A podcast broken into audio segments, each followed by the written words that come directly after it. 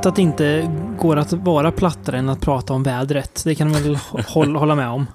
Ja, det är rätt platt. Ja, men jag tycker att vi måste dröja oss kvar vid det lite för att det finns någon slags samstämmighet mellan det vädret vi svenskar upplever just nu och Ja. det vi ska, de filmerna vi ska prata om idag. Du kan förstå vart jag är på väg. Ja, det förstår Det är jag. ju för de som lyssnar på det i efterhand eller inte eh, har någon om vad vi pratar om så är det alltså en värmebölja som drar igenom Sverige som väl aldrig har av tidigare skådat slag känns det som. Ja, den är Eh, extrem. Den är, det är varmt och det är, framförallt så är det klibbigt. Det är inte en sån här semesterortstyp av värme utan det är en klibbig typ av värme. Mm. Och om det är någon plats på jorden ehm, som känns klibbig Ja. eh, av värme så är ju den amerikanska södern. ja, verkligen. Eh, inte för att jag tror att det är större luftfuktighet där än i andra eh, sydliga länder, men med tanke på att människor går runt fullt klädda och sådär, så känns det som att människor är svettigare där än på andra platser på jorden. Och eh, som vi kan säga, som, som vi har sett i de filmerna vi ska prata om i det här avsnittet också, det är, det är mycket svett. Mm, mycket svett. Mycket svett. Känns som en hö hög luftfuktighet. Jag är förvånad att, att inte kameralinserna immar igen oftare än vad de eh, gör. De gör, väl, eh, gör ju inte det någon gång, som tur är. Ja, så, Eh. vad, är, vad är självaste temat som vi försöker komma fram till? Har du någon bra svensk översättning eller ska vi säga det på engelska? Nej, men... Nej, men Sydstatsgotik ja, Southern Gothic är Mm. Eh, är ju ett, ett etablerat begrepp väl? Ja, jo, det, det är ju det. finns. Ehm, kommer för att beskriva... Vad heter han nu? Ehm, han skrev en bok som du och jag läste för, för, för några år sedan. En Ja, 30-tals... ehm, F- Faulkner. Faulkner, ja. William just Faulkner. Det, just det. Eh, jag tror det var på någon av hans böcker som termen första gången användes, tror jag. Mm. Och det användes ne- nedsättande. Uh, Mhm. Gjorde det så faktiskt Mm. i början. Lite som Pulp Fiction. Ja, Begrepp, ja, alltså ett nedsättande begrepp. På tal om eh, Faulkner, det var ju, vad hette boken vi läste nu? Sanctuary va? Ja, precis. en av de värsta läsupplevelserna i mitt liv. eh, värst är att eh, nå- något år innan hade jag köpt, när jag var i London, billigt eh, hans bok As I Lay Dying. Ja. Den kommer jag aldrig läsa. du är inte sugen på den? Nej, jag tror inte det. Nej.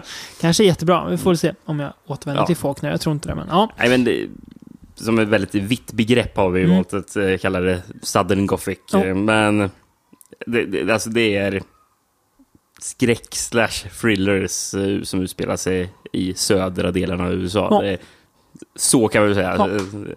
Det, filmerna har inte alltid jättemycket gem- gemensamt med, med, med varandra, men vi ville ha någonting som var Mm. svettigt i Det är ganska kul, för det är ganska olika filmer vi ska prata om den Mm. Vä-. Väldigt olika. Väldigt kul. Det, Ehm, ehm, ska vi börja med Ja, ja, första filmen? innan- hade du något annat gött att ja, säga? innan vi börjar prata om Mm. filmerna så vi har hört från vissa lyssnare att de önskar eh, att, eller, som, att de önskar att eh, podcasten ska dyka upp på Spotify. Och nu finns den där för de som konstigt nog vill lyssna på Som Gert. Fylking hade sagt. Äntligen!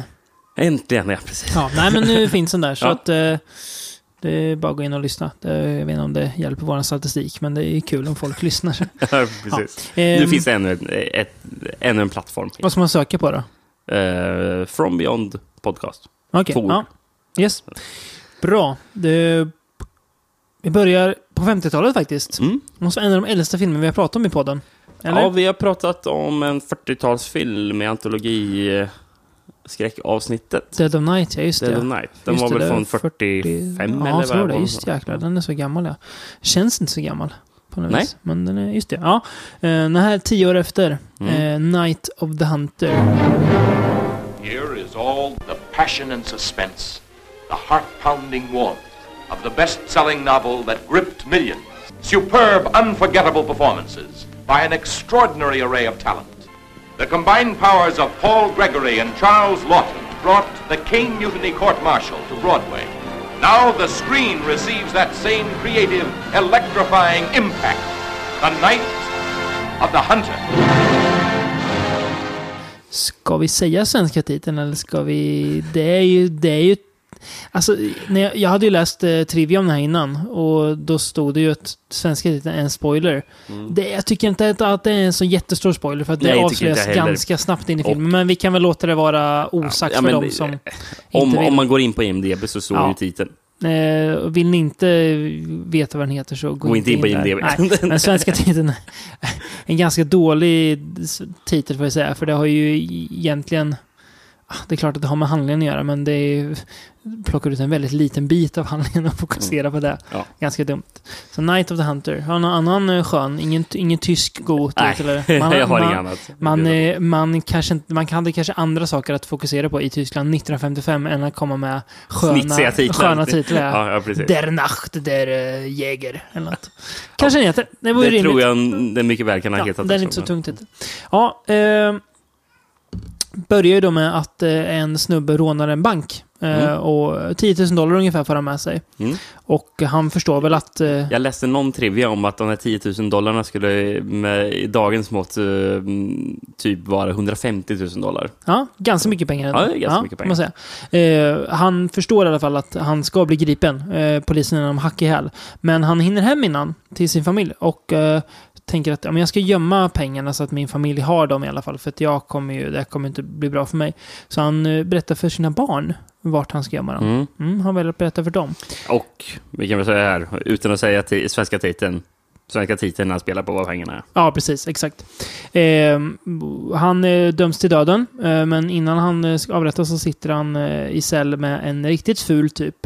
Eh, en präst, spelad av, nu tappar jag... Robert Mitchum. Robert Mitchum, just det. Som även spelar riktigt ful i Cape Fear också. Som Ja, bara kom gamla- några år efter. Ja, kanske Ja. en roll han fick tack vare den här. Det kan det mycket väl vara. Eh, han dyker nog upp i uh, Scorseses remake också tror jag att Mm, han gör. mm. eh, I någon liten roll. Mm, kul. Mm. Eh, ja, han är i alla fall en präst som eh, ja, han livnär sig på att bedra folk på pengar, typ främst, verkar som, och hankar sig runt. Eh, han försöker få ur honom, den här eh, mannen då, eh, vart pengarna finns, men jag vill inte berätta. Prästen kommer ut ur fängelset och dyker upp hos familjen då. Harper heter de. Och han är väldigt charmig. Eh, nästar sig in hos dem. Eller han har en charmig sida ska sägas. Han har en ganska eh, elak sida också. Eh, han eh, charmar mamman och gifter sig faktiskt med henne.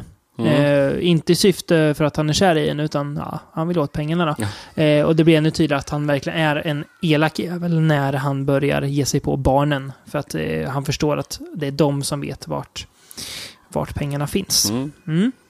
Ja, Robert Mitchum, han är fruktansvärt ond Mm. i den här filmen. Han. Riktigt otrevlig. Mm, han är så här, eh, ja men han är en karismatiskt ond person. Ja, Eh, som liksom charmar brallorna av vissa, men så fort de tittar bort så är han, ja, ond liksom. Han Ja. gör allting för sin egen skull. Så Mm. Klassisk psykopat kanske man kan säga att han är. det Ja, kan man säga. manipulativ och sådär. Eh, Eh. man, man förstår ju bara det vad hans tatueringar han har på fingrarna. Mm. Som eh, på, e- på högra handen tror jag så står Knogarna Love där, ja. Mm. och på vänstra handen står det Hate. Yes. Ehm, Han har väl någon berättelse där han pratar om hur eh, kärlek vann mot hat. Mm, också. ja, det, han säger att han berättar the story of eh, good and evil. Ska han, ska han prata om. Det känns som något han eh, hittar på själv. Eh, ja, det, det, känns verkligen som det. Ah, little lad, you're staring at my finger. Would you like me to tell you the little story of right hand, left hand? The story of good and evil? H A T E. It was with this left hand that old brother Cain struck the blow that laid his brother low. L O V E. You see these fingers, dear hearts, these fingers has veins that run straight to the soul of man. The right hand, friends, the hand of love. Now watch and I'll show you the story of life. These fingers, dear hearts, is always a warring and a tugging one against the other. Now watch 'em. Old brother left hand, left hand hates a fighting, and it looks like love's a goner. But wait a minute. Wait a minute. Hot dog loves a winning. Yes, sirree. It's love that won. And old left hand hate is down for the count. Ja, han är ju redigt osympatisk. Mm. Eh, men han spelar ju... Han, alltså han gör det så jä, jä, jäkla bra. Han är väldigt bra. Mitchum. Fantastiskt bra. Skulle vilja säga att skådisarna rakt igenom i den här filmen är eh, väldigt bra. Mm. Eh, vi har ju också Shelley Winters som spelar mamman då. Ja. Eh, tycker barnskådisarna gör det väldigt bra. Mm. Båda två. En liten pojke och en liten flicka. Shelley Winters har vi pratat om tidigare i um, Poseidon Adventure var med. Hon Mm, just lite det. rundlagda Just kvinnan, som man kan Hon säga. eh, som var fru till någon va, eller? Ja, jag tror hon var där själv, va? Kanske hon var. Eh, Jag minns, ja, jag minns inte riktigt om hon var tillsammans med någon Nej, där ja, eller oklart. Det spelar inte hon någon gammal skådespelare. Nej, det kanske gjorde. Så- Ja, jag är osäker. På tal om gamla skådes- skådespelare så har vi även Lilian Gish i den här filmen. Som ju jag har gjort mig bekant med det här året i mitt eh, 1001 filmer-projekt. Projekt, ja. Hon dyker upp i flera eh, D.W. Griffith-filmer. Bland annat den eh, minst sagt avskärda filmen Birth of a Nation som jag inte råder någon att se. Jag- Oklart vad hon spelar där, men det, ja, hon är med där. Men det får man väl eh, ursäkta henne för. Hon är också väldigt bra i den här, tycker jag. Ja, hon eh, spel, blir någon slags eh, eh, sk- skydd... Hon ger barnen skydd. Mm. I, Ja, flyr. jag tycker hon, hon är jättebra. Mm. Hon dyker upp. Väldigt bra. Så att, det är bra. Den är sjukt snygg också, filmen, ska ju sägas. Ja. Det är ju... Vi... eh, 95% kanske av filmerna vi pratar om i den podden är ju färg, Mm. får man väl säga. Och man blir ju påmind varje gång det är en bra svartvit film med eh, en fotograf som kan sitt jobb, hur jävla snyggt det är med svartvita filmer. Alltså skuggorna får en helt annan betydelse. Och Mm. ljus och mörker och sådär blir en helt annan sak. Som man inte Precis. ser i färgfilm på samma sätt. Mm. Eh, som man förstod det var att eh, Charles eh, Lawton som Mm. re- regisserade filmen. Mm. För, för övrigt den enda filmen han Mm. någonsin, någonsin Han var väl skådis egentligen va? Skådis och sen hade han typ regisserat lite för, eh, för teater. Hade han Okej, också gjort. ja just det. Teaterregissör. Eh, ja. Och att han Mm. fortsatte regissera lite teater efter Mm. den här också, tror jag han Mm. gjorde. Ehm, ja, han, han, haft, han hade någon roll i Spartacus, såg jag bland annat. Mm. eh, faktiskt. Ja, nej men eh, som jag förstår var det avsiktligt att den skulle filmas i svartvitt. För Mm. han ville att det skulle se ut som tysk, en tysk expeditionistisk Mm. stumfilm Mm, från mm. 2020-talet. Eh, typ Mm. Caligaris kabinett. Mm, eller mm. Eh, för han vill verkligen åt de här att, att de här sk- skuggorna och eh, förvrängda vinklarna eh, skulle förstärka det här i- intrycket av hot som Mm. kommer över barnen. Funkar Eh, bra. Och det fungerar jättebra att göra. Mm. Det är ett eh, så jäkla snyggt, eh, ett snyggt klipp där Lilian Gish karaktär sitter i en gungstol med eh, ett hagelgevär Mm. i famnen och sen ser man utanför fönstret så ser man hur Robert Mitchums karaktär rider på en häst. Och det är liksom... Ja, det- Mm. det hade inte kunnat gjorts om det inte var för det svartvita Nej, fotot precis. och eh, hur, Så det har klart sina fördelar. scenografin. Mm, väldigt snyggt. Ehm, ja, vad ska man säga mer? Det är lite det du sa om att det känns hotfullt. Det blir också hotfullt för att man väljer att ha de här två barnen. Det blir väldigt lätt att liksom känna för dem och eh, eh, inte vilja dem något ont alls. Och då blir det ju som att Mitchums karaktär blir ännu mer hotfull på något vis. Mm. För att han är ute efter eh, försvarslösa eh, individer. Ja, det är också... mm, Jag tycker det också används väldigt bra eh, ofta. eh, Eller för, att, för att åskådaren ska förstå att Robert Mitchums karaktär är i närheten.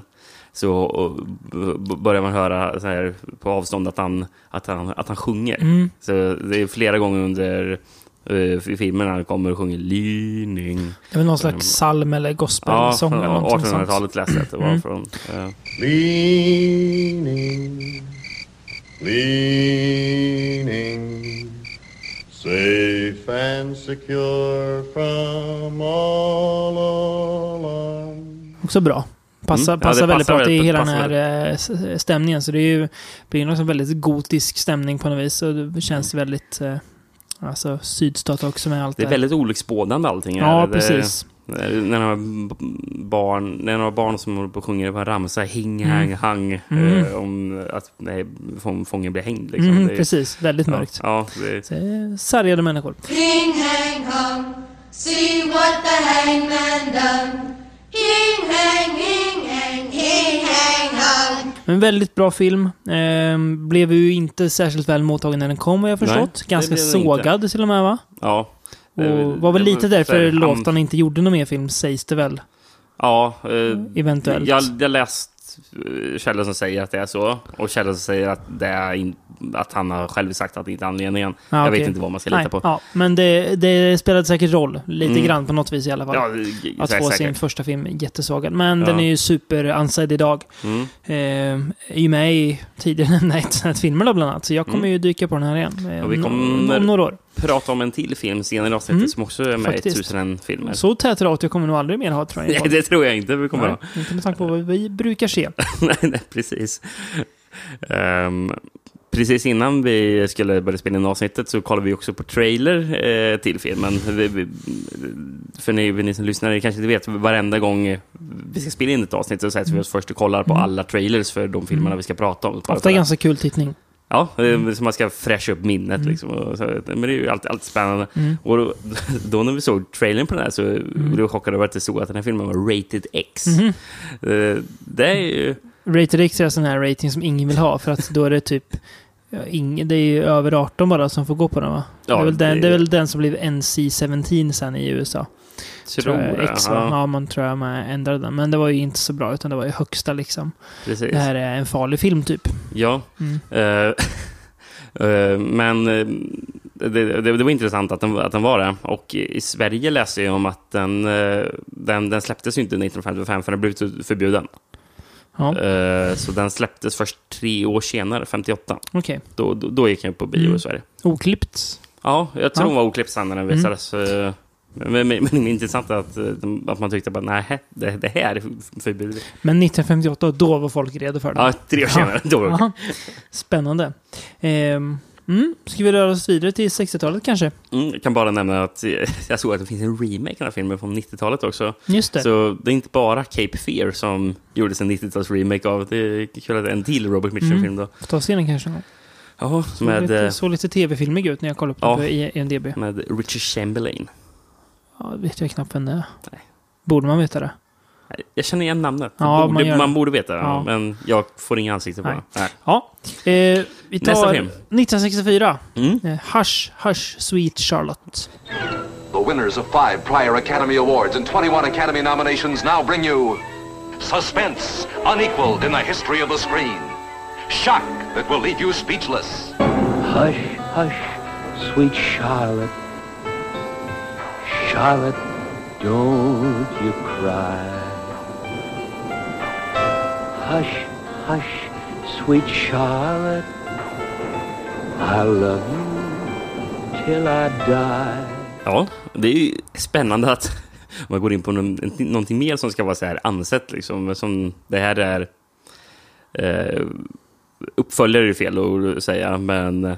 Eh, En spirituell uppförare. Spirituell uppföljare, Mm. precis, på Whatever Happened to Baby Jane, Mm. som ändå är en väldigt ansedd film. Ja. Så det, Den tror jag är med i ett sånt filmer. det, det lär det nog Ja. vara. Eh, Hush Hush Sweet Charlotte heter ju förresten på svenska Hysch Hysch Charlotte.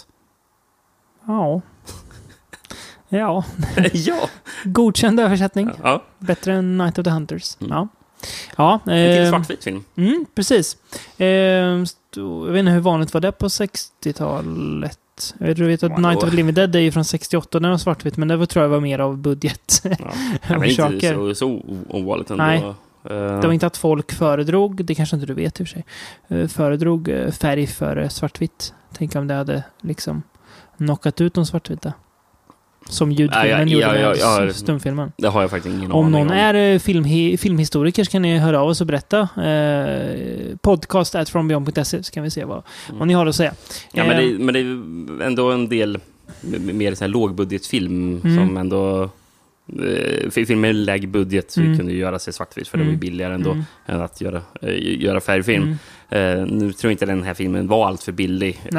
Eh, med tanke på de skådespelarnamnen som var med. Precis. Så de, Mm. de krävde nog rätt så mycket arvode. Mm. Fast i och för sig kanske mesta budgeten gick till deras löner. Mm. Det vet jag inte Kan heller. vara så. Eh, men vad har vi?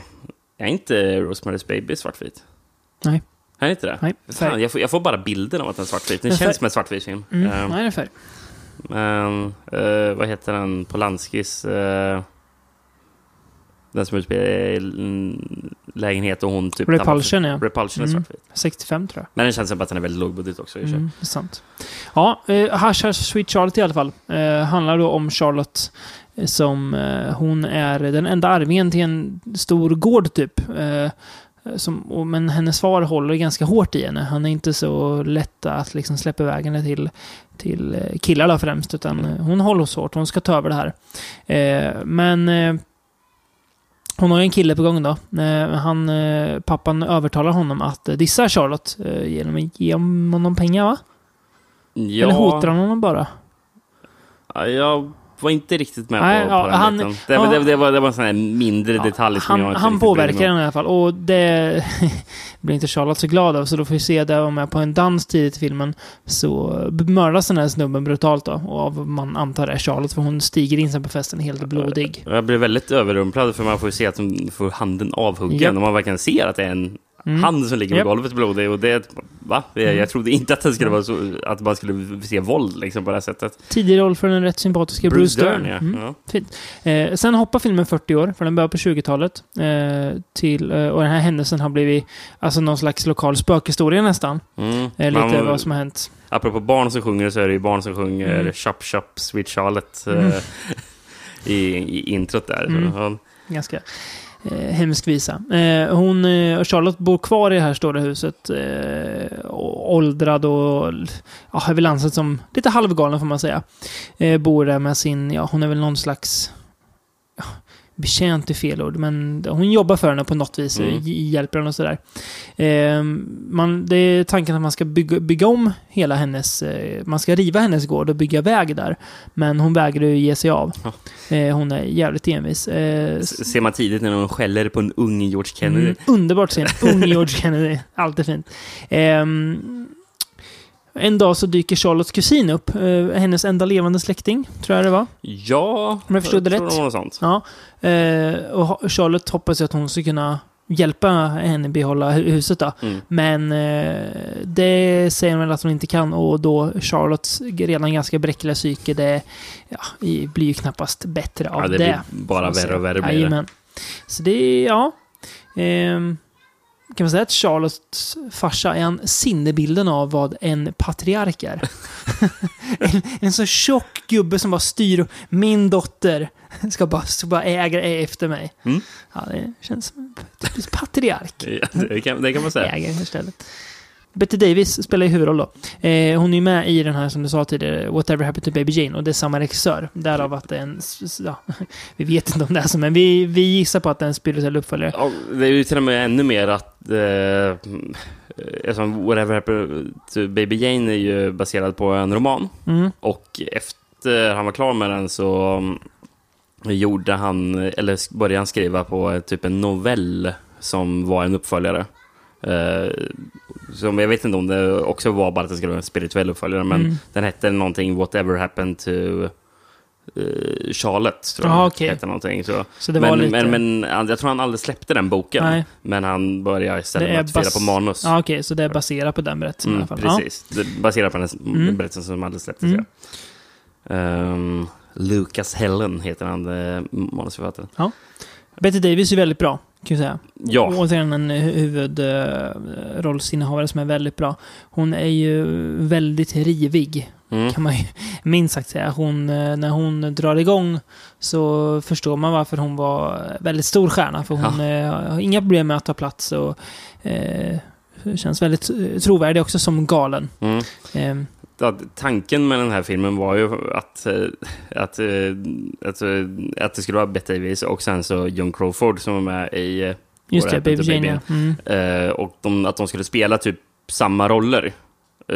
Fast att de skulle switcha. Så eh, Bette Davis nu skulle spela den som kanske mer oskyldiga personen. eh, och John Crawford skulle spela den med ont i sikte. Mm. Men ja, det blev inte så. John Crawford blev ju sparkad från in, in, inspelningen av den här filmen. Så, eh, det finns ju filmat material med henne och jag tror att det är nog ett klipp i filmen som man får se när de kommer i början med bilen. Att det är faktiskt ett, någon, något Mhm. klipp där, där John Crawford Var faktiskt... hon eh, legendariskt svår att ha att göra med? De var legendariskt Ah, svåra att ha att göra med varandra. Ah, okej. De, eh, Två, två stora egon.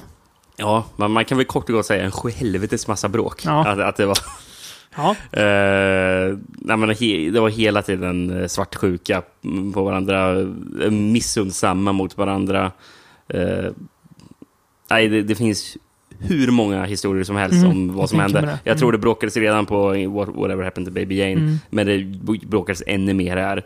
Jag tror, ja, precis. Jag tror att Bette Davis försökte få någon producent i roll så att hon kunde göra det svårare för John Crawford. Eh, att- så det- jag, jag tror det var någonting att, att när John Crawford skulle flyga ner och hon skulle bli hämtad. Ja, Hon förväntade sig att hon skulle bli hämtad, men, liksom, men hade väl... Det var inga där. Det, var, det var tomt var det. Och eh, hon misstänkte ju att det var Bette Davis som hade saboterat. Liksom. Kanske ska ligga något bakom det. Ja, det gick ju helt enkelt inte Nej, alls. nej, Ehm, okej. Det finns ju faktiskt eh, en eh, tv-serie som heter Feud. Mhm. eh, av, vad heter han? Mm, eh, American, American Horror Story. Ryan Murphy. Ryan Murphy har, har ju någon sån här an- antologi, antologi-tv-serie. Som jag tänkte att en säsong ska handla om en känd fade. Mhm. Och det kom en, en, första säsongen kom 2017, heter Feud Bet and Joan. så Jaha, det är om okej. deras fa- fade under tiden av Whatever Happened to Baby, Ba- Baby Jane och uh, Hush Hush Sweet Charlotte Mhm. med den s- säsongen också ska det vara. Kanske man får titta in då. Ja, eh, men ja, John Crawford fick ju hoppa av som Mm. sagt och eh, blev ersatt av eh, Olivia de Havilland. Jag, jag, jag har ingen aning om man uttalar det. Haviland kanske? Haviland. Ja, oklart. Ja. Ja. Eh, Eh, som gör det väldigt bra. mm. Eh, Bra skådespelare rakt igenom henne också, Mm. får jag säga. vet inte riktigt vad hon är känd från. Borta med vinden tydligen och Ja. även The Swarm, Mm. Bifilmen. bifilmen. Eh, svartvitt, som sagt. Väldigt snyggt foto här också. Inte lika slående som Night of the Hunter kanske, men fortfarande fint. Det passar den här miljön väldigt bra också. Det här lite ödsliga och melankoliska, Mm. tomma.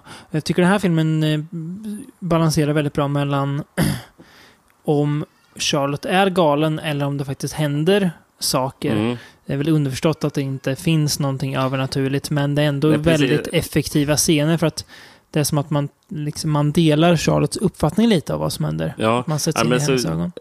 man vet att det, att det inte är eh, övernaturligt, men det känns ändå som en, typ en spökhistoria. Mm. Liksom. Det känns som det är ett spökhus. Eh, och det fungerar väldigt bra. Mm. Det, det är häftigt hur det, hur det Mm, används. väldigt snyggt.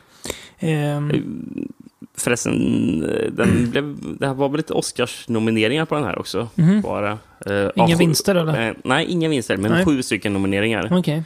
Bara till en skådespelerska tror jag dock. Och det var inte Betty Davis? Nej, hon, Nej. det var hon eh, hembiträdet. Hon mm. som har en så jävla sjuk eh, dialekt. What's going on up there that you don't want me to see? Nej, ex- extrem. Mm, den är tung. Ja, eh, bra twist också tycker jag, faktiskt i slutet. Eh, levererar Mm. en twist som jag tycker funkar väldigt bra och knyter upp filmen. Eh, ja, en väldigt eh, stabil thriller kan man säga. Som eh, gör vad den ska. Mm. Ja, det är, verkligen. Jag, Mm. två, två, två bra filmer på rad där. Mm. Vi tar en tredje bra. Ja. Eh, vi åker till 70-talet. Eh, 1971. Don Siegels The Beguiled. A refuge or a hell? As Clint Eastwood, wounded Yankee, is brought to an all girls school to become the prisoner of these man deprived women. You are not our guest. You get any ideas of trying to amuse yourself with any of the ladies in this house, wait you will just a find minute. yourself out on that road so fast you won't know what happened to you. The tensions, the jealousies, the conflicts of sexual confrontations, rare even for today. Nu, ja. Eller nu ska vi få en- äntligen en bra titel här. Mm. Svenska titeln. Korpral McBee, anmäld saknad. Jaha. Okej. Eh, Universal Pictures hade ju också innan, innan titeln The Beguiled kom till, när de uh, försökte tänka över lite olika alternativa titlar, vad, vad de skulle kunna ha. Mhm. En av titlarna som fanns på den här filmen, håll, håll, håll i det nu, Pussyfooting down at the old plantation. Oj. Det låter mer som en exploitation-rulle än eh, någonting annat. Där ser man. Ja, eh, det handlar i alla fall om eh, då, ja, Corporal McBee. Clintan, ja. Precis, en skadad... Och, eh, in, alltså inte Clint Howard då. Nej, nu, utan, nu pratar vi eh, faktiskt utan om... eh, låtsas-Clintan, Ja. Clint Eastwood. Ja. Eh, en skadad Nordstatssoldat eh, som räddas under döden faktiskt av en ung flicka. Eh, när hon är ute och plockar svamp. Hon hittar honom. Hon tar honom med till en flickskola hon går på. Eh, och det är ju brinnande inbördeskrig runt om. Men eh, han är ju åtminstone någorlunda säker i den här byggnaden. Även om de funderar inledningsvis på att eh, ge honom till eh, eh, sydstaterna. För de är ju sydstater själva och känner att det här är vi en fiende. Vi måste ju lämna över en fiendesoldat till vår egna. Men han har ju någon effekt på dem. Mhm. Eh, och eh, charmar väl egentligen alla i Ja. hela hushållet. Det är, en, det är ju ja, någon slags, vad ska jag säga, som driver det. Eh, rektor i brist på bättre ord, det är Ja, inte riktigt, men nej. ja, eh, överhuvud. En, lä, en lärare som är medelålders, 30 kanske? Ja. Medelålders kan jag inte säga, men Ja, men ska väl 30. föreställa Ja. någonting där. Och sen eh, unga flickor i olika eh, åldrar och en svart eh, känn, bekänt också, eller eh, hushållerska. Och alla faller ju för honom på något vis i olika mån och han lovar ju saker till alla också. Så Ja, precis. han, ja. Ehm, men han sätter väl lite krokben för sig själv kan man säga. Det är Ja, inte det- så det lätt att säga. eh, charma ett hus fullt av kvinnor och sen räkna med att det inte blir ett hus fullt av människor överhuvudtaget. Och räkna med att det inte blir något problem när man eh, ljuger för alla Och det- hela tiden. Och, och räkna med att han ska komma undan med det. Precis. Mm. Så det är... mm, Ja, det är en... eh, Som du visade ju någon innan också här. eh, När John Landis pratade om den här filmen, i den här Trailers from Hell, som gick för några år sedan. Och sa han att this is one weird movie, how could Universal make this? Och ja, den är lite skum, Ja. eh, delvis. Eh, bland annat pussar han ju faktiskt en 12-årig tjej, Just ja, Clinton, i en scen. Eh, sen är det ju en av tjejerna som han kanske har längst gången relation med, i alla fall En 17-åring. fy- fysiskt. Ja, en 17-åring. Ehm, och han, jag vet inte hur gammal han ska vara, han kanske var 35 någonting. Ehm, det är också lite skumt. Hon var ju 21 på riktigt och Clinton var 40 tror jag. Och de blev ju ihop, de hade en, en affär. Ja, just han, han var gift, Mm. Clint Eastwood. Men han hade en affär med henne under och efter filmen. Ja, just det. Fortsatt efter, ja. Mm, Mm. Så det, ja, det smittade av sig. Han, han, han fick inte nog med Pussyfootin under den här filmen. Fy fan. Jag vet inte ens vad jag ska, vad jag ska svara på. Jag svarar ingenting. Eh, vi pratade förut om att det är svettiga sydstatsmiljöer. Det är ju nu när färre filmer kommer fram som svettpärlan också tränger fram ännu mer. Den känns väldigt svettig och smutsig framför allt. Eh, det är ingen sydstat man vill vara i riktigt här. Det känns väldigt fuktigt och varmt Ja, och svettigt och så brinnande krig eh, runt om. Eh, kul att se Clint Eastwood i den här rollen. Det kul att man spelar lite på hans minst sagt huggna ur granitiga ansikte. Ja. Han var ju vansinnigt stilig när han var yngre Clinton. Han är ändå 40 år. Jag fattar inte hur man kan vara 40 och se ut så här. Nej, det är Hans- imponerande. han, han, ku- han kunde lika gärna varit 25. Ja. Jag hade köpt det. Eh, det, jag skulle nog tro att han ska spela någonting det är möjligt. eh, runt, runt det Ja. också, kan jag tänka Om, mig. om ni vill se någonting sjukt så kan ni googla på Young Clint Eastwood och sen googlar ni på Scott Eastwood som är hans son. De är kopior av varandra. Mm. De är sjukt. Så det är kul. Ehm, han å, återigen, det känns som jag bara säger det gång på gång, men det är ju alltså välgjort. Det är bra skådespelare rak, rakt igenom också. Eh, ganska, det blir ju ganska skum stämning och det är intressant att man först nästan går från att tycka om Clint Eastwoods karaktär Mm. till att vända helt, att filmen byter protagonist på något vis. Precis. Eh, För, ju längre ja, går. Mot slutet så Mm. vill man ju kanske inte att... Ja, Då är han ganska Han ska komma undan. Nej, det kan jag tycka att man, han kan åka fast. Ehm, Tredje, eller tre av tre filmer vi pratar om nu för, har förresten en, en roman som förlaga. mm. Den här hade någon bok som heter The Painted Devil som släpptes eh, 1966. Mm. Ehm, jag tror fem av sex filmer vi kommer att prata om idag har en, en roman som förlaga. Det är fascinerande. Uh, kom ju faktiskt en re- remake, eller vad man ska säga, på den här nu förra året Förra av året. Sofia Coppola, som Mm. heter samma sak. Uh, ska vi kolla in. Mm, spännande med eh, Colin Farrell istället för Mm. Clint Eastwood där då. Ja, inte, inte jättemycket nedköp skulle jag säga. Nej, absolut Nej, inte. nej. Trevlig skådis. Ehm, mm. Har något mer att säga om The Beguiled? Ja, Någon rolig trivia kanske? Ja, men jag, jag tror att eh, eh, apropå um, att eh, Night of the Hunter var att den gick dåligt. Jag Mm. tror den här också Mm. inte gick värst bra. Det kan jag förstå. Ja, det förstår jag också. På något sätt. Den är märklig. är Mm. Den. Det är, en, Och- det är en och- jätte- det är en jättebra film, men den Mm. är märklig. Absolut. Precis. Och jag kan tänka mig att, ja, och det är ju det som, eh, som, som, John Landis sa, som du pratade om, att han inte riktigt förstod hur Universal kunde göra det här. Nej. Eh, Och Men en av den tidens största stjärnor också. Mm. Clint Eastwood. Det förstår jag dock som att det var Clint Eastwood som själv ville göra någonting som inte var... Eh, jag tror han sa att han inte ville göra en film där han tände en kanon med en cigarr. Liksom. Han, han ville... Ja, han Mm. spelade en, spelade en annorlunda roll. Ändå gjorde han någon slags western, typ, kan man säga. Ja, precis. Men Eh, ja, lite annorlunda. nej men... eh, Men, men, men alltså, det är svårt att se hur Universal kunde göra den här filmen. Mm. Och sen så förstår man ju då också att Universal nog hade väldigt svårt att begripa sig på hur de skulle marknadsföra den. Mm. Hur marknadsför man den här filmen? Och eh, Cl- Clint Eastwood ska i efterhand ha sagt att den gick dåligt på grund av att Universal eh, marknadsförde det som en actionfilm, vilket Mhm. det inte var. Då. Oj, För nej det är det ju verkligen inte. Dålig kritik eh, med att Mm. folk såg den och bara, men det här var inte alls vad jag ville se. Nej, nej, det är verkligen ingen actionfilm. Men eh, klart sevärd. Mm, Mm. Det tycker jag verkligen. Ska vi eh, ta en liten paus från sydstaterna innan vi eh, kör vidare med de andra tre filmerna? Precis, måste svalka av mig från den här intensiva hettan. Leaning, leaning, safe and secure from all alarms. Leaning,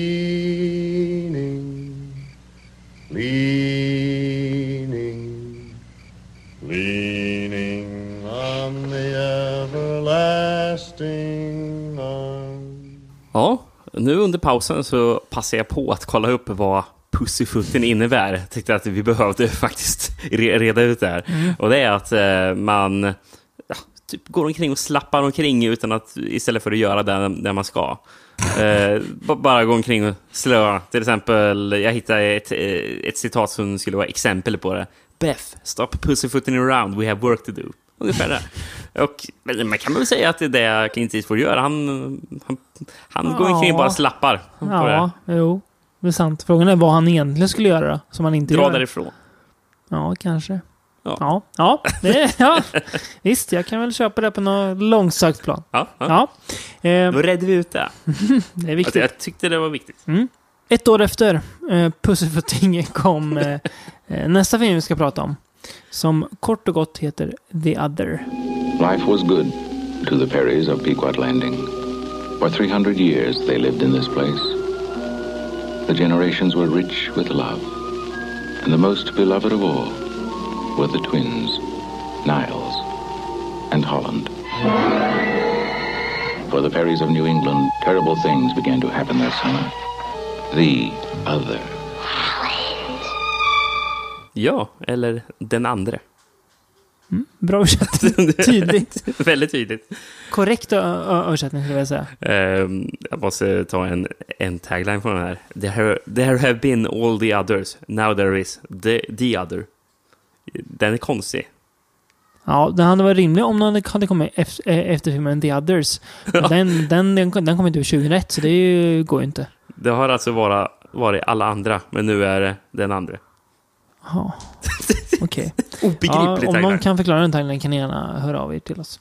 Eh, The Other i alla fall, från 1972, handlar om tvillingarna Niles och Holland som lever livet på vischan. Eh, sommarlov och det är spring och bus hela dagarna.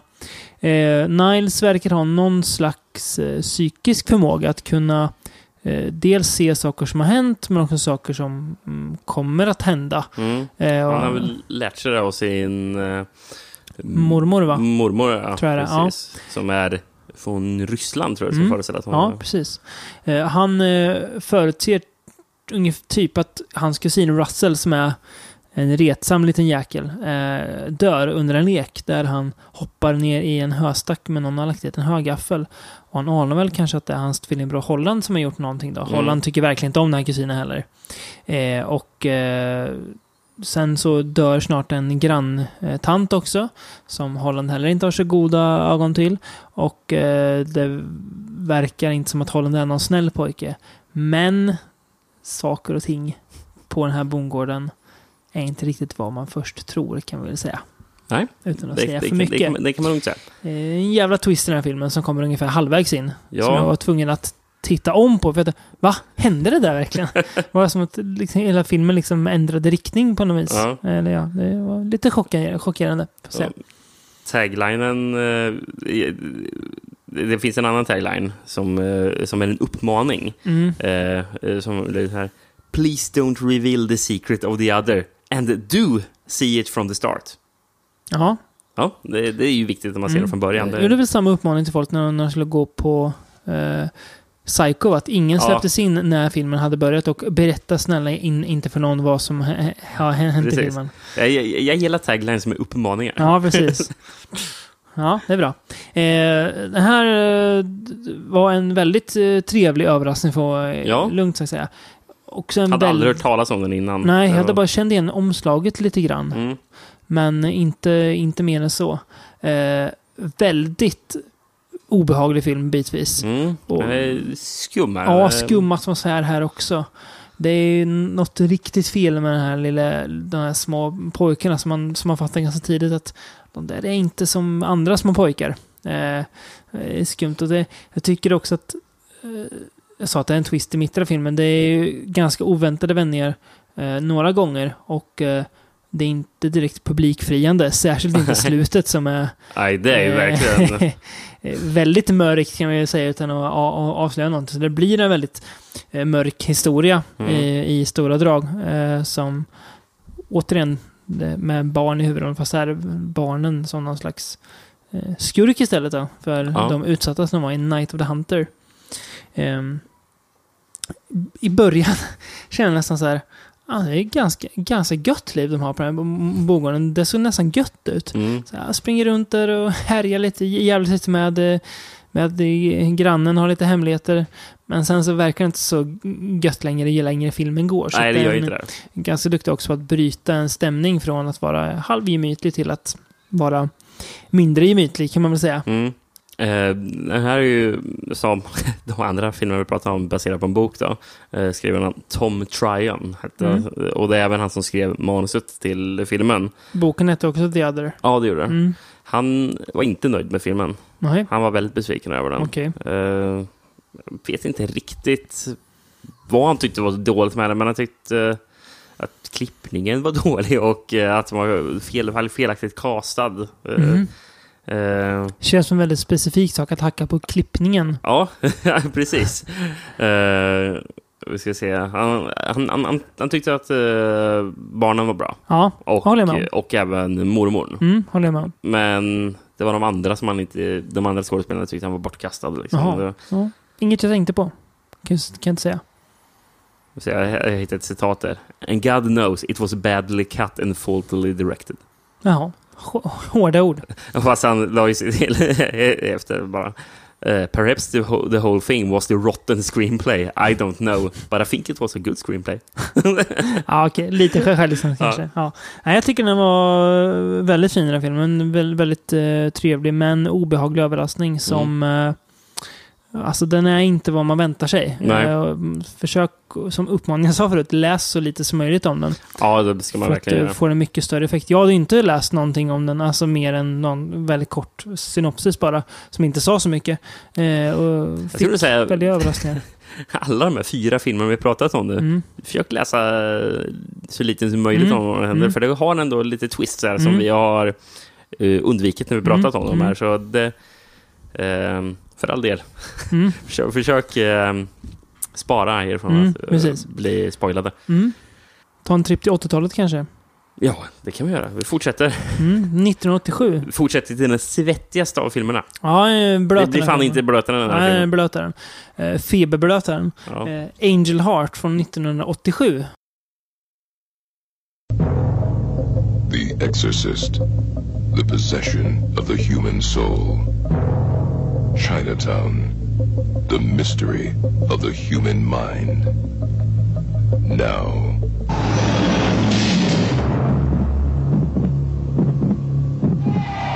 Harry Angel has been hired to search for the truth. Pray he doesn't find it. Angel Heart. Eh, gjord av Alan Parker som även har gjort eh, Pink Floyd The Wall, tror jag. Jaha, Om jag minns okej. rätt. Ja. Eh, Mississippi Burning har han också gjort. Ja. En till svettig film. Ja, den känns blöt. Jag har inte sett den, men den, den känns svettig. Den är bra. Den. Mm. Eh, väldigt sydstats förstår jag också såklart. Ja. Fast det är ur mindre charmigt. Om jag eh, minns det så tycker har det svinbra soundtrack också, Mississippi Burning. Kommer inte ihåg vem, som har gjort det. Nej, men jag Nej. får mig det är lite, lite syntar och sådär. Ja. Det- Gott. Eh, Angel Heart i alla fall handlar då om privatdetektiven Harry Angel spelad av eh, Mickey Rourke. Mm. Som ju här var väl en av de eh, coolaste, hetaste skådisarna innan han bestämde sig för att börja boxas och förstöra sitt ansikte och börja supa som en dåre. In, innan han började se ut som en läderväska i ansiktet. Precis. Eh, han eh, blir kontaktad av eh, den något mystiska Louis Cypher för att eh, hitta spår av en sångare som heter Johnny Favorite som Cypher säger han, han, han, han är skyldig mig saker så Mm. du måste hitta honom nu. Eh, han är inte så lätt att hitta dock den här Johnny Favorite eh, och eh, Angel dras in i en minst sagt skum värld. I, let, i, han träffar den ena skumma karaktären efter den andra.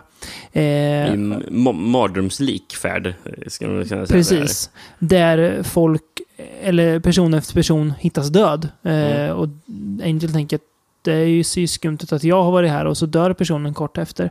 Eh, och det är ju någonting mycket mer än vad han har kunnat tänka sig. Eh, det här är inget vanligt uppdrag bara han har fått av den här skumme figuren spelad Nej. av Robert De Niro skulle jag säga förresten. Robert De Niro i, eh, med otäckt långa spetsiga Ja. finger, fingernaglar. Och otäckt långt hår. Ja, som Ja, han exakt. går omkring i, kostym och en Ja. manband. Typ, Ja, ja, typ. eh, så det blir eh, voodoo och mystiska figurer dras han in i så småningom. Eh, Harry Angel och han får väl mer än vad han eh, hade kunnat hoppas på, kan man ju säga. Eh, ja, det här är en blöt film, Rickard. Ja. Det känns eh, febrig, gör den som sagt. Eh, Mm. väldigt... Jag skrev att den dryper av atmosfär. Ja, och det precis. är liksom... Det, man känner Mm. att, eh, man känner filmen liksom, Ja, när man kollar på den. Så inledningsvis är det en ganska så här ganska, ganska rak berättelse. Han, ska, Mm. han, han blir hyrd av en, visst han är lite skum, men han blir hyrd av honom. Han ska hitta en kille. Men det är ju, man förstår ju ganska snabbt att ja, det är något, något skumt liksom. Och Mm.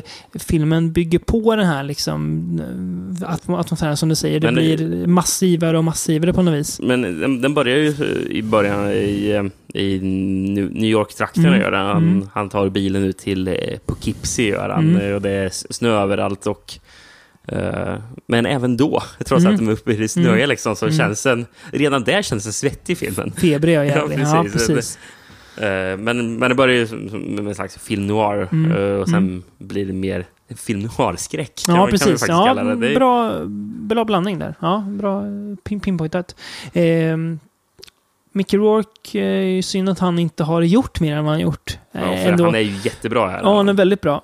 Väldigt... Eh, alltså han har ett väldigt stort självförtroende på något vis eh, i början som passar hans eh, eh, karaktär.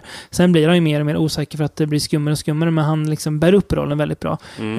Eh, kul också att se Robert Niro bli påminn om att just det, han var ju faktiskt en, en respektabel skådis en gång Ja, i tiden. det, det var ju så faktiskt. Innan han började usla komedier. Eh, Det är ju ändå oftare när man kollar på äldre filmer med Mm. Robert, De Niro så... Han är alltid bra. Ja, det, det överrumplas nästan. Ja, Jävla bra han är. Och det är även här, Mm. även fast han inte är med jättemycket ens. Nej. Men när han väl är med i scenerna så... Mm. Då, då är han... Då, är Mm. han då, Mm. då, då, då kräver han full Mm. uppmärksamhet. Han, ja. ät, han äter upp scenen så att Precis. säga. Mm. Han, han skulle ju tydligen ha varit så, så otäck på filminspelningen att, att Alan Parker försökte undvika honom. Liksom, för han, han, han var så liksom så Han, obehaglig. han gick liksom. in i rollen som den här Japp. skumma figuren så mycket. Ja. Precis. Ja, men det, det var typ att, att, han, att, att han försökte undvika honom så pass att typ, Robert De Niro fick typ regissera sig själv. Liksom, för att, nej, han ville inte vara i närheten av Nej, honom. förstår den. Så. Ehm, Jag tycker också han är ganska otäck. Jag hade inte heller velat vara nära honom om man, om man var så där. Det är många här fina citat när han pratar i filmen. Det Mm. en, en som jag gillar när han pratar med Mickey Rourke. Han säger no matter, how cle- no matter how cleverly you sneak up on a mirror your reflection always looks you straight in the eye. Mm. Jävla Mm. otäck är han. Mm. Mm. Han är obehaglig. men, men innan det blev klart att han skulle spela rollen som eh, Louis Cypher eh, så var det tänkt att han skulle spela Mickey Rourkes karaktär, Mhm. Harry Angel. Eh, han var en av många Mm. skådespelare som var tänkte den. Även Jack Nicholson eh, och Al Pacino också. Mm. Det blev någon som var en, en, en generation yngre än dem då. Mm, ja, Mm. precis. Jag hade annorlunda se, sett någon av de andra. Mm. Lite I- gamla, fast det är svårt att säga i och för sig. Det hade kanske varit jättebra om man sett. Men Mickey Rourke passar så himla bra. Han, rör sig väldigt bra med de här eh, mil- miljöerna också. Jag köper honom som eh, sjabbig privatdetektiv. Mm. en, en, en, en, till grej, en till kul grej med De Niro. Eh, som, eh, Alan Parker jobbade tillsammans med produ- producenten Alan Marshall. De gjorde den här filmen och gjorde flera av fler filmer. Mm. Eh, tror Mississippi Burning kanske. Mm. Men eh, de gjorde även den här filmen Birdie Mm. eh, med Nicolas Cage. Mm. Tidig Nicolas Cage-film Mm. eh, från 84. Mm. Eh, och, då var det när producenten Alan Marshall hade ringt upp Robert De Niro och frågat om han skulle vara intresserad av att ha en roll i den här filmen. Så hade, så hade Robert De Niro sagt Are you the guy who produced Birdie? När, när, när Marshall svarade ja, så la Robert De Niro på. Den är inte så bra. Anseende Birdie eller? Jag vet inte, jag har fått för mig att den har det, men Ja. Robert Niro kanske avskydde Ja, det är Birdie. sant. Men sen eh, kritar han på ändå. Ja, precis. Tur det. Ja, det måste man säga. Återigen en väldigt bra twist i den här filmen. Mm. Får jag säga. Som kommer i slutet som eh, är... eh, den är värd att vänta på. Den, liksom, den, den byggs upp för och man, jag tycker inte att man blir besviken på den. Det är ingen, eh, inget urfegat slut. Nej, det, det är, den drar ju i en extra växel, Ja, flera ex, extra precis. växlar här i slutet. Mm. Så, Sluta inte titta så fort e- eftertexterna nej, kommer här. kolla, att, eh, kolla klart till efter, eftertexterna slutar. För att den liksom, filmen fortsätter på något vis i eftertexterna också. Mm. Klipp in. Nej, väldigt, väldigt effektiv och väldigt otäck och obehaglig film tycker jag. Ja. Som- Um, apropå X-rating, den här filmen höll ju på att få en X-rating. Mm. Men Så Alan Parker fick ju klippa som fan, fick han Mm. göra. För det är ju en sexscen mellan mm. Mickey Rourke och eh, Lisa Bonet som Mm. dyker upp i Mm. eh, en roll som eh, i New Orleans där Mm. hon håller på med voodoo. Mm. Eh, Väldigt bra sexscen. Ja, den säga. Alltså, ja, om man ska, det, den känns... eh, Den känns... Den passar in i det här svettiga och febriga som övriga filmen har. Precis, och den, den scenen fyller ju faktiskt ett eh, syfte. Ja, För- det, är inte, det, är inte, det är inte exploitation. Nej, det, liksom. det är inte bara av Nej. ska, ska vi slänga in sexscen bara för Nej. att det ska eh, göra någonting. Utan den, den har ju faktiskt, den är ju, man återkommer till den i Mm, twisten. den är- och sen så, den är viktig för handlingen, Och sen så bara i sexscenen, för den övergår ju till att det börjar typ regna blod. Mm. Liksom, så det är ju någonting som är fel. Mm, Liksom. mm. Det- Så funkar väldigt bra. Mm. Men, men Lisa Bonet var ju med i Cosby Show och Ja, det, eh, ja. fick ju sparken Just det. eh, efter Mm. att hon hade Ganska kul. varit med i Mm. den här filmen. Sen träffade hon Lenny Kravitz. Och Ja, fick just barn. ja. ja. Zoe... Zoe Kravitz. Just det. Som är med i uh, Fury Road, Mad Max. Faktiskt. Ja, Mm. okej. Så det blir bra. Ehm, Ja, det blir det. det blir bra. Ja. ja. Ska vi avrunda podden med den sista filmen kanske? Mm. 1996. Det är inget år som får det att rycka till i byxan direkt. Känner man yes, nu ska jag se en film från 96. Ja, inte Scream från 96. Jo, Mm. men... eh, Sen då? Om, Ja, jag, jag tror väl att det är 96 som är året om man går in och kollar på eh, O- Oscar. Nu inte, ska inte Oscarsson led, men det brukar ändå all- alltid vara liksom några bra, bra filmer. där. Men ja, men det var ändå stabilt. Året då Babe var nominerad till bästa film. Mm. Vem är det som gjort Babe? Just det, det är ju George Miller som har gjort Precis. det. Mad Max. Mad Max. Sjukt sammanträffande. Ja. ja. men jag tror Braveheart vann, så jag tror det är 96. Okej. Ja. Eh, Apropå Oscar, så ska, filmen vi ska prata om eh, hade ju faktiskt en Oscarsnominering. Mm. Eh, Eh, manus? Ja, Ja, precis. förstår jag. Eh, John Sayles då, som har Ja. både skrivit och Mm. eh, regisserat filmen. John Sayles skrev ju även den uh, älskvärda Alligator. Eh, han skrev även The Howling och Piranha. Mm. Så Eh. han jobbade, han var ju Corman, Precis, han inledde sin karaktär Ja, för att, karriär med att Mm. börja med Corm, jobba för Corman. skrev väl manus säkert hos Corman och läste igenom manus och så. Ja. Men uh, blev, uh, stod på e- egna ben och gjorde det mer än väl. Det känns sympatiskt med eh, folk som har börjat sin karriär med att jobba med Corman. Ja, verkligen. Det, det gillar man. Ja, det är man. Eh, Film vi ska prata med Lone Star då.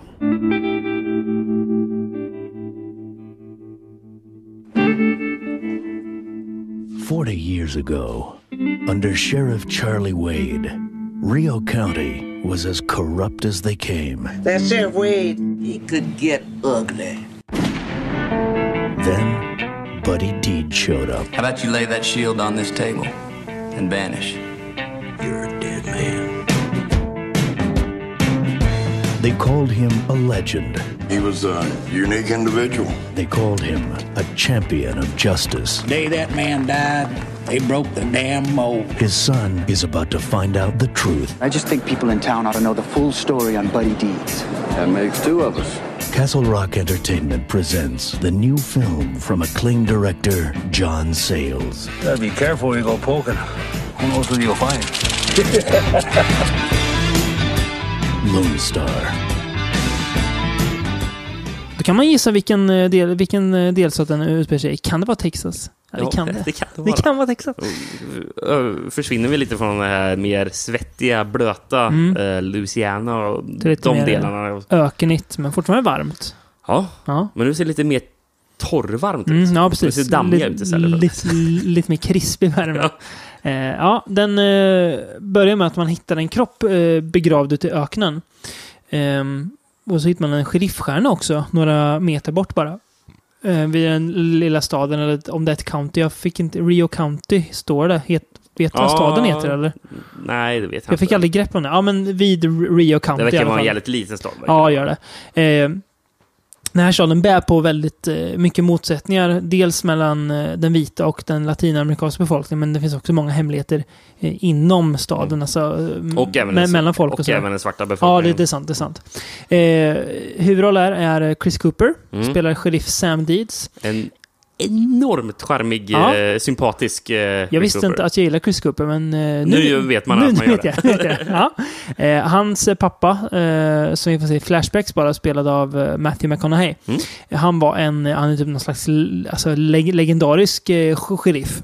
Mm. Som alltså, verkligen älskade staden. Han ville till och med en egen staty, va, typ. ja, de, de revealar statyn under Just filmens gång. Mm. Eh, och han blev pappa efter att den här, eh, en, en tidigare sheriff försvann. Eh, spelad av Chris Kristoffersson. Ett riktigt jävla as. Ja, en hemsk sheriff. Eh, och man förstår ju att det är nog hans kropp man har hittat och att då har han ju inte alls bara försvunnit för att andra så har det varit nej men han, han drog, han drog härifrån. Eh, och eh, Sam börjar ju rota i det här då.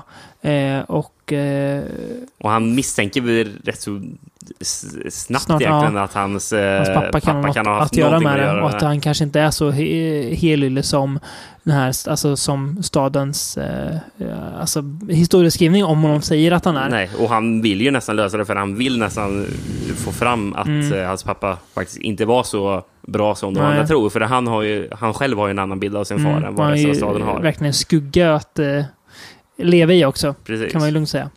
Eh, det här var ju... Alltså jag, jag vet inte varför, men den här filmen var jag lite skeptisk till. För jag såg först såg jag att den var från 96. Jag såg att den var nästan två timmar. Jag tänkte, ja, vad är det här Ja, för... det var två timmar tror jag. Ja, just det. Vad är det, här för fi- B-film? Jag visste ingen aning liksom. Den här dyker faktiskt upp i ett sånt filmer. Ja. Eh, åh, du, det visst. Ja, ja. Sen såg man ju ja, bra namn och John Sayles vet man att man gillar och sådär. Eh, och jag fastnade jättefort för den här filmen. Mm. Det är som att titta på en bra tv-serie som du har, som du har tittat på ett tag. Ja, precis. För det, det, det, jag, jag förstår inte hur Alltså, den hur- fungerar, men det, det Nej. känns faktiskt som en tv-serie. För det känns så att det finns så himla många berättelser och det är så många karaktärer som man liksom på något vis lär sig känna och man förstår staden och sånt brukar ju ta tid att berätta. Mm. Det, är väl, Men- men det är alltså- väl, måste ju vara ett, ett tecken på att John Sayles är en extremt skicklig manusförfattare. Ja. Att han kan berätta så mycket på ändå, alltså relativt kort speltid om man berättar med vad eh, tv-serie, om man Mm. jämför med vad tv-serier har på sig. Sen kanske det känns mer som en tv-serie, för den har ju lite så här episodiskt... Eh, Berättande ja. ja, precis. Eh, Mm. Den hoppar väldigt mycket mellan alla de olika karaktärerna och Mm. deras historier. Mm. Och, så det, det mycket, kanske mycket blir- mellan eh, nu och då också. Ja. Och- Och det är klipptekniken för att eh, växla mellan är så jäkla snyggt. Ja. För det, det är ju att eh, kameran egentligen, det, det blir inte klipp, utan Nej. kameran panorerar kanske åt vänster. Glider så, är det de, så, så har man helt plötsligt hoppat tillbaka i tiden. Ja, fast precis. det är inte ens var ett klipp. Och Exakt. Det använder så jäkla snyggt. Jättesnyggt är det. Ja, precis. Eh, funkar väldigt bra. Chris Cooper som sagt, jättebra. Mm, Eli- Elisabeth Peña som man har en eh, relation med Ja, också. Hon är också väldigt jättebra. bra. In, ingen koll på henne sedan innan. Väldigt, inte vad jag känner till i alla fall. Det var Nej. inget namn jag kände igen. Jag, jag, jag tyckte att jag kände igen henne, Mm. men jag väl börjar kolla upp så vet jag inte varför, varför jag känner Nej, igen honom. Men nej. hon var väldigt bra i alla fall. Ja. Kul också att se Frances McDormand i en liten, liten roll. Just Hon är... eh, Ja, det är kul. Spelar väl Eh, typ Chris Coopers ex eller Ja, precis. Jag, för jag såg henne i förtexten. Jag satt och väntade på när ska Frances McDormand dyka upp. Ja, det var hon. Ja, jävligt rolig. Har en, en eh, monolog om unga amerikanska fotbollsspelare. Ja, just det. Som också visar på eh, John Sayles eh, manusförfattare. Det kan vi ta, alltså dialogen i den här filmen är ju... Man brukar prata om att det är ju en klyscha att säga att Tarantino är bra på dialog för den är så Mm. fyndig och sådär. Det här är ju, alltså, jag tycker att Tarantino kan gå och gömma sig när jag hör John Sayles dialog. För det här är, ja det är nästan bland det bästa jag har hört på Ja. film. Alltså det, det bara känns så naturligt men ändå är det så träffsäkert. Alltså replikerna är så extremt välskrivna tycker jag Mm. ibland. Och det, alltså, ja, träffar rätt alltså. Den är fan med vass är den. Ja, väldigt vass. Så tajt regisserad och bra skådespeleri och allting. Alltså det är en bra balans mellan allting. Eh, jag menar att storyn är så himla enkel men det är, man bygger på det här kärnfulla också i att det är den här lilla staden och så här. Och det är också så här, jag tycker det är fascinerande att förutom Chris Kristofferson då så finns, förstår man att vissa människor kanske gjort dåliga saker men det är ingen man tycker riktigt illa om för man fattar att de kanske haft sina anledningar att göra det också. Mm. Utan att filmen egentligen säger att de har haft det så förstår man det underliggande. Så att den får fram så himla mycket utan att den liksom säger det rakt ut också. Ja. Så att det är, ja, väldigt bra. Ehm, Ja, filmen presenterar ju inte en enkel världsbild. nej, det gör inte det. Väldigt eh, komplex. Även Chris Cooper ställs ju inför dilemman, särskilt, och särskilt mot slutet kan Ja, man ju kan man säga. lugnt säga. Där han eh, tvingas göra ett, eh, ett val som eh, inte är helt lätt. Nej. Men eh, så det är. Som ja. ett val som imponerar också tycker jag. Ja, på, verkligen. På att filmen väljer att visa det. Ja, välja, ja precis. Att eh, ta upp det, ja. Eh, en, jag måste bara flika in det. En karaktär som heter Buddy. Finns det något namn i världen som är mer Texas-kompatibelt än Buddy? Buddy. Att man, att, att man heter Buddy. Tänker på eh, Buddy i eh, Friday Night Lights också. Ja, just Han är ja. väldigt som, jobbar som bilförsäljare. Ja, just väldigt ja. mycket, m- mycket Texas. Eh, nej, jag vet inte. Alltså det, det får lite slut på eh, positiva ord. Men det är väldigt bra film. Bästa vi har sett i podden på väldigt länge, Mm. känns det som. Ja, det var det- det något det nog. som fångade mig alltså, med den här filmen som slog helt rätt. Så det är en liten halvbortglömd pärla som jag tycker borde lyftas fram mer. Definitivt. Tror aldrig vi har haft så här. Vi har pratat om sex filmer som alla är jättebra. Ja, precis. Det- Alltså det- här hög nivå genomgående i podden. Liksom. Eh, vi gjorde valet den här gången att eh, inte prata Franco. För att vi känner väl lite, det sa, sa ju du efter sista gången, att man bör liksom glömma att han kan göra bra filmer för nu all, allt blir bara så här, dåligt. Det är bara, "Ha, det här igen, ja det här igen. Och det är, man, man är mätt så det känns inte som att man liksom man ser filmerna med mätta ögon. Precis. Det var ju skönt vis. att vi här under semestertider fick vi ta lite semester från Franco då. Ja, precis. Eh, Det är också därför vi är en vecka senare med podden, ska sägas. Men Ja. jag tänker även vi kan ju få ta lite semester i alla fall. Jag tror att ni har säkert haft annat att göra i den här värmen än att höra oss tjata på om filmer. Men eh, det var kul avsnitt. Väldigt mycket bra film. Eh, jag rekommenderar att man ser alla. För en gångs skull. Jag, säger, Ja, jag, jag ja. pekar inte ut någon, utan säger alla. Och om man bara behöver, om bara ska välja en. Mm. Se Lone. Ja, det ska man Ja. definitivt göra. Den, är, den såg på banan med det mesta, för skulle jag säga. Mm. Nästa gång ska vi prata om en eh, annan herre som sopar banan med många... Kanske. Jo, men det gjorde han väl i alla fall när han var mer aktiv. Ja, ja, det, det Eh, gjorde han verkligen. Mångsysslaren Clive Barker. Vi ska titta närmare på några av, eh, inte bara hans filmer, men filmer baserade på hans verk. Ja. Eh, inte Hellraiser ska sägas, det kommer sparar en egen podd om. Det Mm. kommer en podd.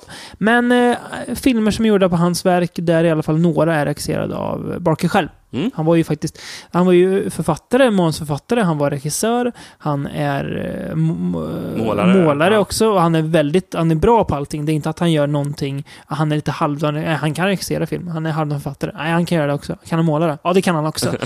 Så, sinnessjuk talang har han verkligen, eh, den gode Barker. Ehm, Känns som man är smart. han känns väldigt smart. Ja. en skön britt från, från Liverpool. Ja, det blir kul att prata om dem. Eh, Se vad han eh, kokade ihop för någonting. Mm. Så vi hoppas att ni överlever i värmen och att eh, ni inte eh, svettades bort under den här eh, dryga timmen med oss. Så hörs vi igen om några veckor. Hush, hush, sweet Charlotte. Charlotte, don't you cry. Hush, hush, sweet Charlotte. I'll love you till I die. Oh, hold me, darling, please hold me tight and brush that tear from your eye. You weep because you had a dream last night. You dreamed that I said goodbye. Hush, hush, sweet Charlotte. Charlotte, don't you cry. Hush, hush, sweet Charlotte, I love